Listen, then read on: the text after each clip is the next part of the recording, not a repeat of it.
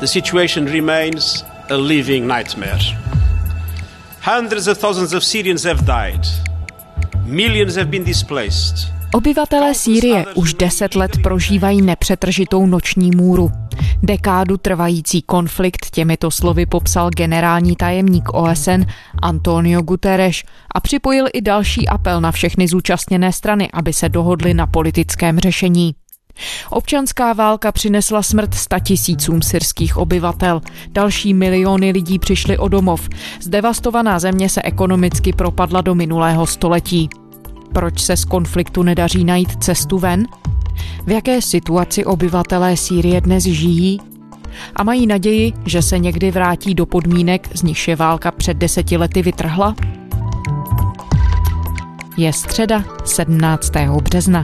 Tady je Lenka Kabrhelová a Vinohradská 12. Spravodajský podcast Českého rozhlasu.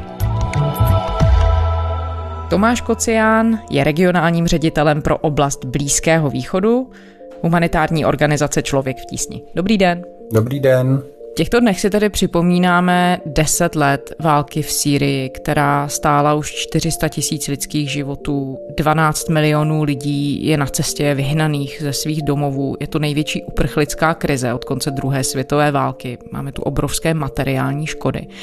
Vy se Sýrii v organizaci Člověk v tísni věnujete dlouhá léta. Dokážete z těch informací, které máte k dispozici, popsat, jak to dnes v Sýrii vypadá? Jak si máme tu situaci představit? Ta země je rozdělená. Je rozdělená nejenom politicky a etnicky, jak kdo kontroluje jaké území, ale vlastně i tím postižením viditelným tou válkou, tím konfliktem. Byly oblasti, jako je východní Alepo, oblasti východní Guty, to je kolem Damašku, oblasti Homsu, Raka, Derazoru, místa, kde probíhaly bezprostředně ty boje a to poměrně ve veliké intenzitě a tam to bezprostředně po tom střetu vypadalo jak obrázky ze Stalingradu, zničení města, kde prakticky přežívalo jenom pár zoufalých posledních lidí, kteří nestačili utíct. Ta situace samozřejmě už se zlepšila, do těch míst se pomaličku navrací život a potom je tam řada míst, především teda na západním pobřeží, týká se to provincií Tartus, Latákia, kde ten konflikt nikdy neprobíhal a to bezprostřední fyzické zničení tam není vidět. Nicméně ta celá země, ač je rozdělená v každé části vládne někdo jiný a má jiné politické názory, tak dohromady trpí tou válkou. Ekonomická krize je odrazem toho dlouhodobého konfliktu a bezprostředně dopadá na úplně všechny. Běžní lidé vidí, jak jim doslova před očima mizí hodnota úspor, které mají kapse, pokud tedy nějaké mají. Podle těch hlasů, které slyšíme v současnosti ze Sýrie, tak zdražují základní věci, základní potraviny, energie. Podle Mezinárodního červeného kříže zdražila mouka o 300%. Allah, když se vrátíme ještě úplně do toho počátku před deseti lety, míněno teď do počátku toho konfliktu občanského, Můžeme připomenout, co se tehdy vlastně stalo, když víme, tisíce lidí vyšly v rámci té vlny arabského jara do ulic syrských měst protestovat proti vládě Bašára Asada, žádali svobodu, žádali demokracii, žádali ekonomické reformy tehdy. Co se stalo, že se to všechno změnilo v deset let trvající občanskou válku? Přesně tak, ty demonstrace nebyly nějak brutální, nebyly s cílem svrhnout režim, v zásadě prostě vyzývali k reformám a k zlepšení přesně v nějakým duchu toho arabského jara. Nicméně, co bylo jiný, nebo proč to gradovalo v Sýrii, byl fakt, že ta vláda nebo ty vládnoucí složky z mého pohledu neadekvátně zasáhly. Prostě zasáhly velkou silou, brutalitou která tu společnost, která byla rozkolíbaná už řadou různých nespravedlností a nebyla to úplně společnost harmonická, takže tohle byl takový poslední hřebíček do rakve a já jsem se bavil s několika lidmi, když řekli, když jsme viděli, že střílejí do našich dětí, studentů, tak jsme řekli, tak a dost, tohle ne, Přitom to byli loajální členové armády a do té doby v zásadě loajální tomu režimu. Prostě řekli, tak už jako dost a tohle stačilo a vydali se na odpor. Po několika opatrných demonstracích nekompromisně rozehnaných policií se ta situace výrazně změnila v pátek. Na lince je blízkovýchodní zpravodaj Českého rozhlasu Břetislav Tureček. Proč se situace vlastně Břetislave vyhrotila až do té podoby krvavých střetů? V pátek byla velká demonstrace ve městě Der'a, kde mimo jiné lidé požadovali propuštění 15 dětí, které byly zatčené za to, že eh, stříkali a psali na, na stěny, na zdi eh, protivládní hesla, která viděli v televizi, když televize vysílali to, co se děje v Egyptě a eh, v dalších zemích. Takže to byla demonstrace za tyto děti, ale také proti místnímu guvernérovi, prostě proti místním úřadům. Policie do těchto lidí začala střílet, potom byly další demonstrace vlastně, nebo pohřby, které se změnily v demonstrace a včera bylo zase hodně krve prolito a bylo to tím, že řada demonstrantů už otevřeně začala plenit vlastně vládní sídla, vládní nebo státní různé objekty a budovy. Celé části armády nebo jednotlivé oddíly dezertovaly a postupně vytvářely, formovaly jakousi opoziční armádu, to byla ta takzvaná Free Syrian Army. No a ty nabývaly na síle. Samozřejmě ve syrské společnosti nebyla jen umírněná opozice, ale i radikální islamistická opozice a ty postupem času přebíraly větší a větší roli v těch především armádních a militantních složkách. No a výsledkem toho je současnost třeba v Idlíbu, v severozápadní Sýrii, kde organizace, která je rebrandovaná, Dříve se jmenovala Jabhat al-Nusra, byla úzce spojovaná s Al-Qaidou, teď se jmenuje Hayat Tahrir al-Sham tak vládne a v zásadě si tam vytváří svůj chalífát. Nicméně celé je to trošku ještě složitější, protože ty externí tlaky na to, aby nepůsobily tak radikálně a militantně, tam jsou a Turecko odvádí v tomto pohledu poměrně zajímavou práci. Ale to už jsme v roce 2020, vy jste se ptala na 2011-12, to je v zásadě to, proč se to dělo. Neadekvátní, příliš brutální potlačení relativně pokojných demonstrací. No to všechno vedlo k situaci, kdy víc než polovina předválečné populace, která byla kolem 22 milionů, opustila svoje domovy. Kde dnes tihle lidé žijí? Část těch žije v zahraničí, a to ne v Evropě, ale primárně v Turecku, a v Libanonu, malinko v Iráku a v Jordánsku. Část těch samozřejmě v roce 2015 a 2016 odešla do Evropy. A největší část jich zůstala v Sýrii samotné, ale žijí na jiných územích, než na kterých žili před válkou. To jsou takzvaní vnitřní uprchlíci a těch je odhadováno něco pod 7 milionů, 6,7 milionů, myslím. No celkový počet migrantů, to znamená uprchlíků, kteří překročili hranice Sýrie, tak je asi 6 milionů. Bráchu drželi v Sýrii ve vězení tři měsíce. Já jsem zaplatil 20 tisíc dolarů, aby mě pustili. Ty peníze šly syrskému režimu. Vypráví Ahmad události těsně před cestou do Egypta. Jeho bratr mi ukazuje po těle jizvy popálení cigaretami. Ahmad měl na historickém damašském trhu Sukal Hamidia prosperující obchod s nábytkem. Když se dostal do křížku s režimem, všechno prodal a odletěl do Egypta. Tady mu ale podnikání moc štěstí nepřineslo. Zločinci si ho vyhlídli s tím, že jako majitel restaurace má peníze a že jako uprchlík ze Sýrie je v Egyptě naprosto bezbraný. Nejvíc lidí zamířilo do Turecka. Turecko žádá pomoc od evropských partnerů. Na útěku je téměř polovina obyvatel Sýrie. Jedním z nich je muž, který ještě před rokem vlastnil restauraci nedaleko Kobáne. Jsme tady celá rodina, já i moji bratři, celkem 13 lidí, včetně malých dětí. Máme jednoroční, dvouleté, tříleté, samé malé děti. Dá se tady ale přežít, jen co odejde islámský stát, vrátíme se. Syrští uprchlíci mají za sebou strastiplné zážitky. Viděl jsem na vlastní oči, jak zabíjeli lidi, svázali jim ruce a pak jim řezali hlavy. Přitom volali Aláhu Akbar, Bůh je veliký.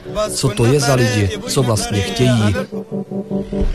Za Safvánem a Zainab, syrským uprchlickým párem v Libanonu, se za poslední tři roky vracím už po třetí. A pokaždé si říkám, jestli je v tomhle malém táboře v údolí Byka ještě najdu.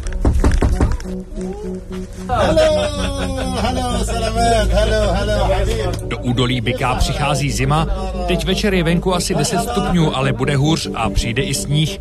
Safwan a Zainab mají uprostřed stanu kamínka na naftu, takže je zatopeno. Safwan teď ale ještě pro jistotu připevňuje kancelářskou sešívačkou do dveří deku, aby na nás tolik netáhlo. Syřané tu pracovat oficiálně nesmějí, mnozí ale měli malé obchůdky. Letos libanonské úřady přitvrdili a všechny krámky pozavírali. A teď, během ekonomických problémů v Libanonu, mají uprchlíci problém vybrat si svou měsíční podporu v bankách. Yes, I'm 23 years old. Um... Džihad je 23-letý uprchlík z Damašku. Do Německa přišel loni. Doma v Sýrii mu hrozilo naverbování do armády. Nedokončil proto studia síťového inženýrství a doufá, že se diplom dodělá v Německu. Zatím pilně bifluje Němčinu a pomáhá jako dobrovolník s tlumočením, když do města přijedou jiní uprchlíci. Doma v Sýrii nechal velkou část rodiny. No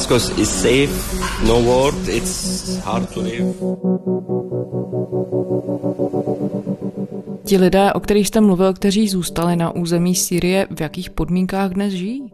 Je to různé. Nicméně je potřeba si uvědomit, že lidé, kteří odcházeli do zahraničí, to byly často elita té syrské společnosti. Oni měli ty peníze, protože každá taková cesta něco stojí a nestála úplně málo přes velké slevy pašeráckých band, které poskytovaly v roce 2015. Vyžaduje schopnosti se nějakým způsobem aklimatizovat, akulturovat, usadit, přijmout tu společnost. Velká část těch lidí, kteří zůstali na místě, tak takové dovednosti neměla nebo neměli ten kapitál ani ekonomický, ani sociální a tak zůstali. Těm úspěšnějším se podařilo někde usadit a obsadit třeba nějaký dům, který zůstal po vyhnaných Kurdech, Arabech, prostě po vyhnaných lidech. Takových domů je na severu Sýrie bohužel mnoho. Těm méně šťastným ty zůstávají v kempech, v táborech prchlických, kterých je především na severu Sýrie obrovské množství a velká část lidí žije tam. A to nejsou úplně podmínky, ve kterých by člověk chtěl dlouhodobě zůstávat. No vy těch programů na pomoc lidem v Sýrii máte celou řadu. Část z toho je třeba i směřovaná ke vzdělávání. Dal by se třeba na jednom příkladě popsat to, v jaké podmínky lidé musí snášet? V těch kempech určitě horší. Ty podmínky jsou horší než v situaci, kdy se nějakým způsobem etablovali nebo pronajali si dům někde ve vesnici nebo ve městě. Představte si místo, kde je dalších 200, 300 až několik tisíc stanů. Nemáte moc velké soukromí, můžete mít konflikty ze sousedy, nemáte práci, respektive váš manžel občas dostane někde nějakou nádeničinu, žijete v naprosté nejistotě, nedokážete si představit, co bude za pět let. Vaše děti běhají bosí po táboře a nemají pořádně do čeho rýpnout, takže se nudějí. Školy v takových táborech neexistují, respektive v řadě z nich neexistují, takže tam není žádná možnost nějaký náplně školní anebo mimoškolní. Jste závislí na tom, co dostanete od humanitárních organizací, to je jednou za měsíc přijede nějaká organizace, rozdávám krabici s jídlem, anebo vám dá potravinové lístky a vy s tím musíte nějakým způsobem vyžít. K doktorovi je to 15-20 kilometrů do nejbližšího města. Na tu cestu většinou nemáte, protože to stojí peníze a hotovost.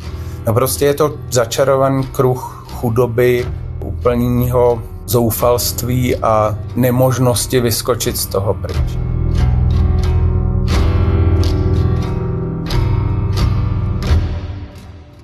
Do jaké míry tímhle vším ještě míchá pandemie a covidová situace?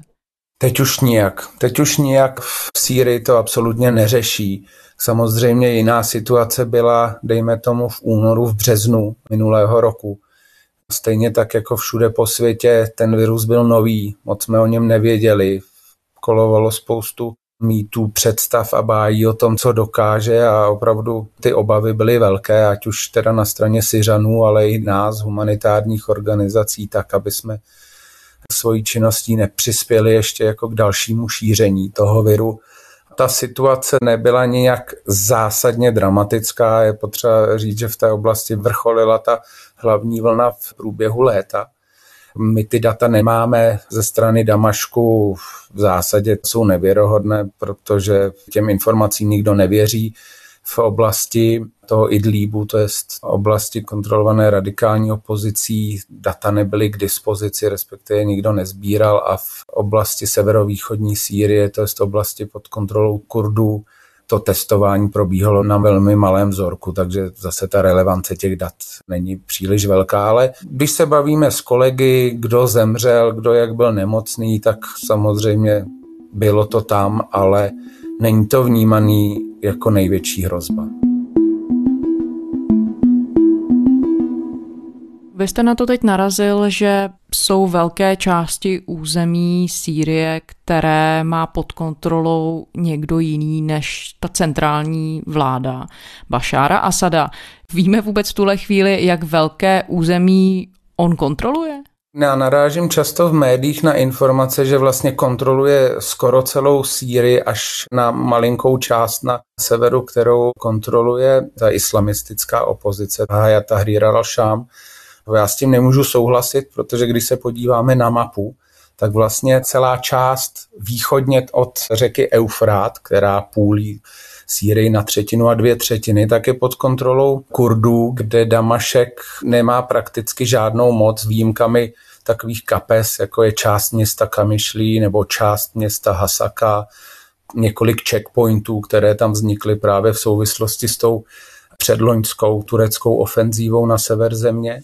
Turecko bombarduje města na hranicích se Sýrií. Akce je součástí invaze do pohraničního pásma širokého asi 30 kilometrů. Ofenzívu potvrdil turecký prezident Recep Tayyip Erdogan. Kurdské milice uvedly, že jsou připravené oblast bránit a například u města Tal Abyad se jim podařilo tureckou armádu odrazit. Mluvčí syrských demokratických sil obvinil prezidenta Donalda Trumpa, že z oblasti udělal válečnou zónu, když nařídil stažení amerických vojáků. Potom je celý pás země na severu to je z oblasti severního Alepa, Afrínu i toho Idlíbu, který de facto kontroluje Turecko a je z toho zóna Turecka, která velmi pravděpodobně Damašku nebude navrácena, nebo aspoň takové jsou analýzy lidí, kteří se tomu dlouhodobě zabývají, takže to je podstatná část, kde je soustředěno zhruba 4 miliony obyvatel, takže z těch současných odhadovaných 17 kterých zbyly, tak skoro čtvrtina obyvatel jenom v těch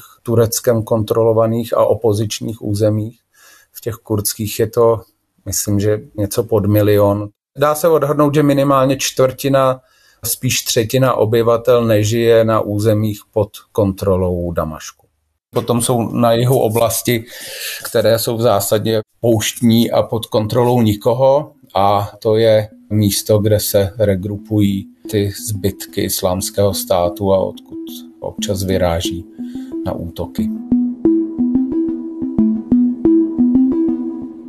Vy jste zmínil Turecko. V Sýrii hrají velkou roli i další zahraniční hráči, třeba Rusko, síly financované nebo nějak podporované spojenými státy i Iránem. Dá se říct, jak velkou roli tyhle zahraniční síly v tuhle chvíli v Sýrii hrají, když se snažíme zorientovat v tom, jak vlastně ta situace vypadá? Já bych řekl, že zásadní roli. Když jsme se bavili o té genezi toho konfliktu, tak jsem neměl možnost říct, jak ten konflikt se vyvíjel. To znamená z té občanské války přes sektářský konflikt, kdy to bylo opravdu vyhraněné, postavené na bázi náboženství nebo příslušenství k různým náboženským sektám a ideologiím.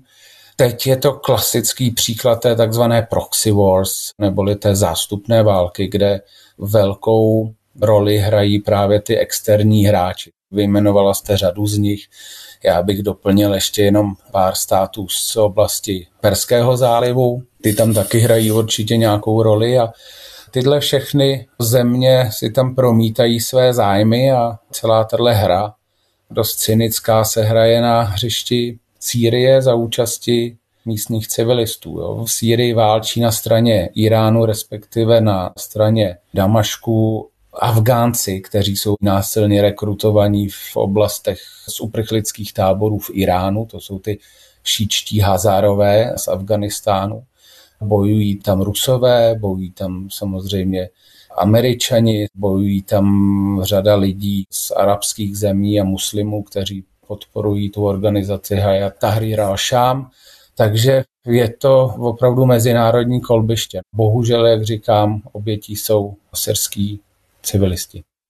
A pokud bychom měli mluvit o řešení, tak nabízí se v tuhle chvíli nějaké politické řešení na místo silového. A od koho by ta iniciativa musela přijít? Musela by zase vzejít od těchto mezinárodních hráčů, ti všichni by se na nějakém řešení museli dohodnout?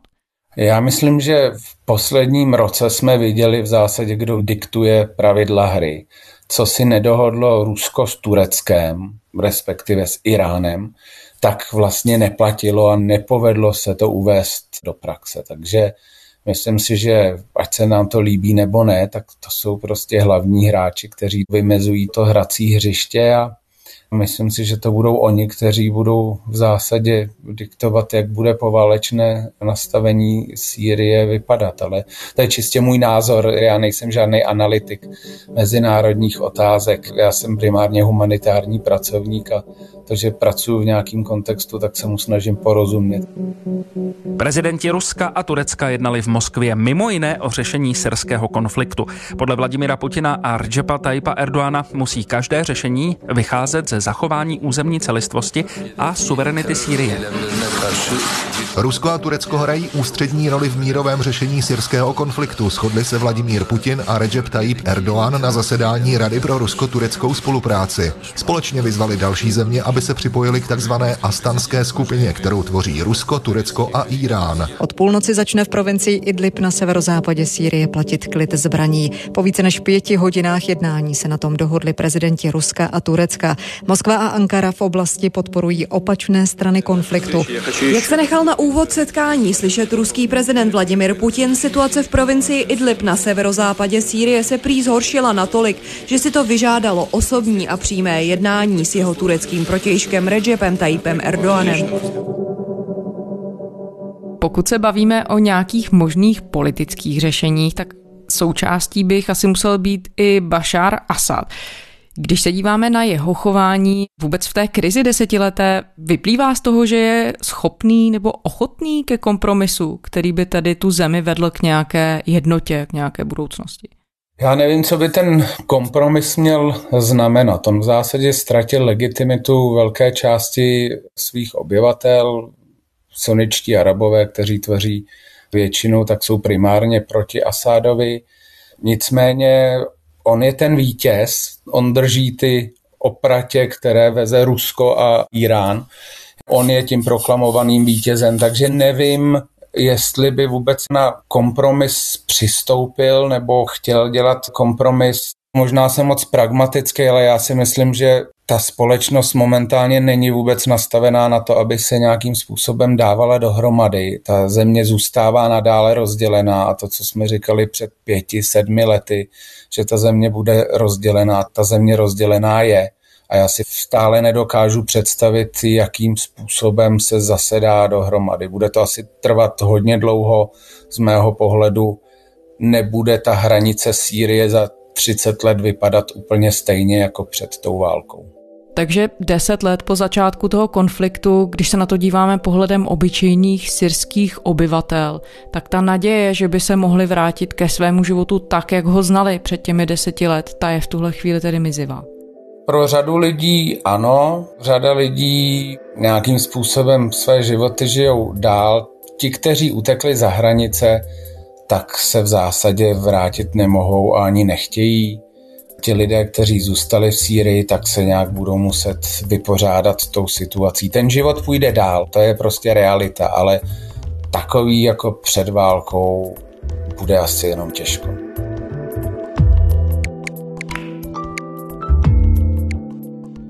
Tomáš Kocián, regionální ředitel pro oblast Blízkého východu organizace Člověk v tísni. Děkujeme za rozhovor. Já vám děkuji za pozvání. Naschledanou. A to je ze středeční Vinohradské 12 vše. Poslouchejte nás kdykoliv v podcastových aplikacích a také na serveru iRozhlas.cz. Děkujeme, že si najdete čas a děkujeme i za vaše reakce. Posílat nám je můžete na adresu vinohradská12 zavináč rozhlas.cz To byla Lenka Kabrhelová. Těším se zítra.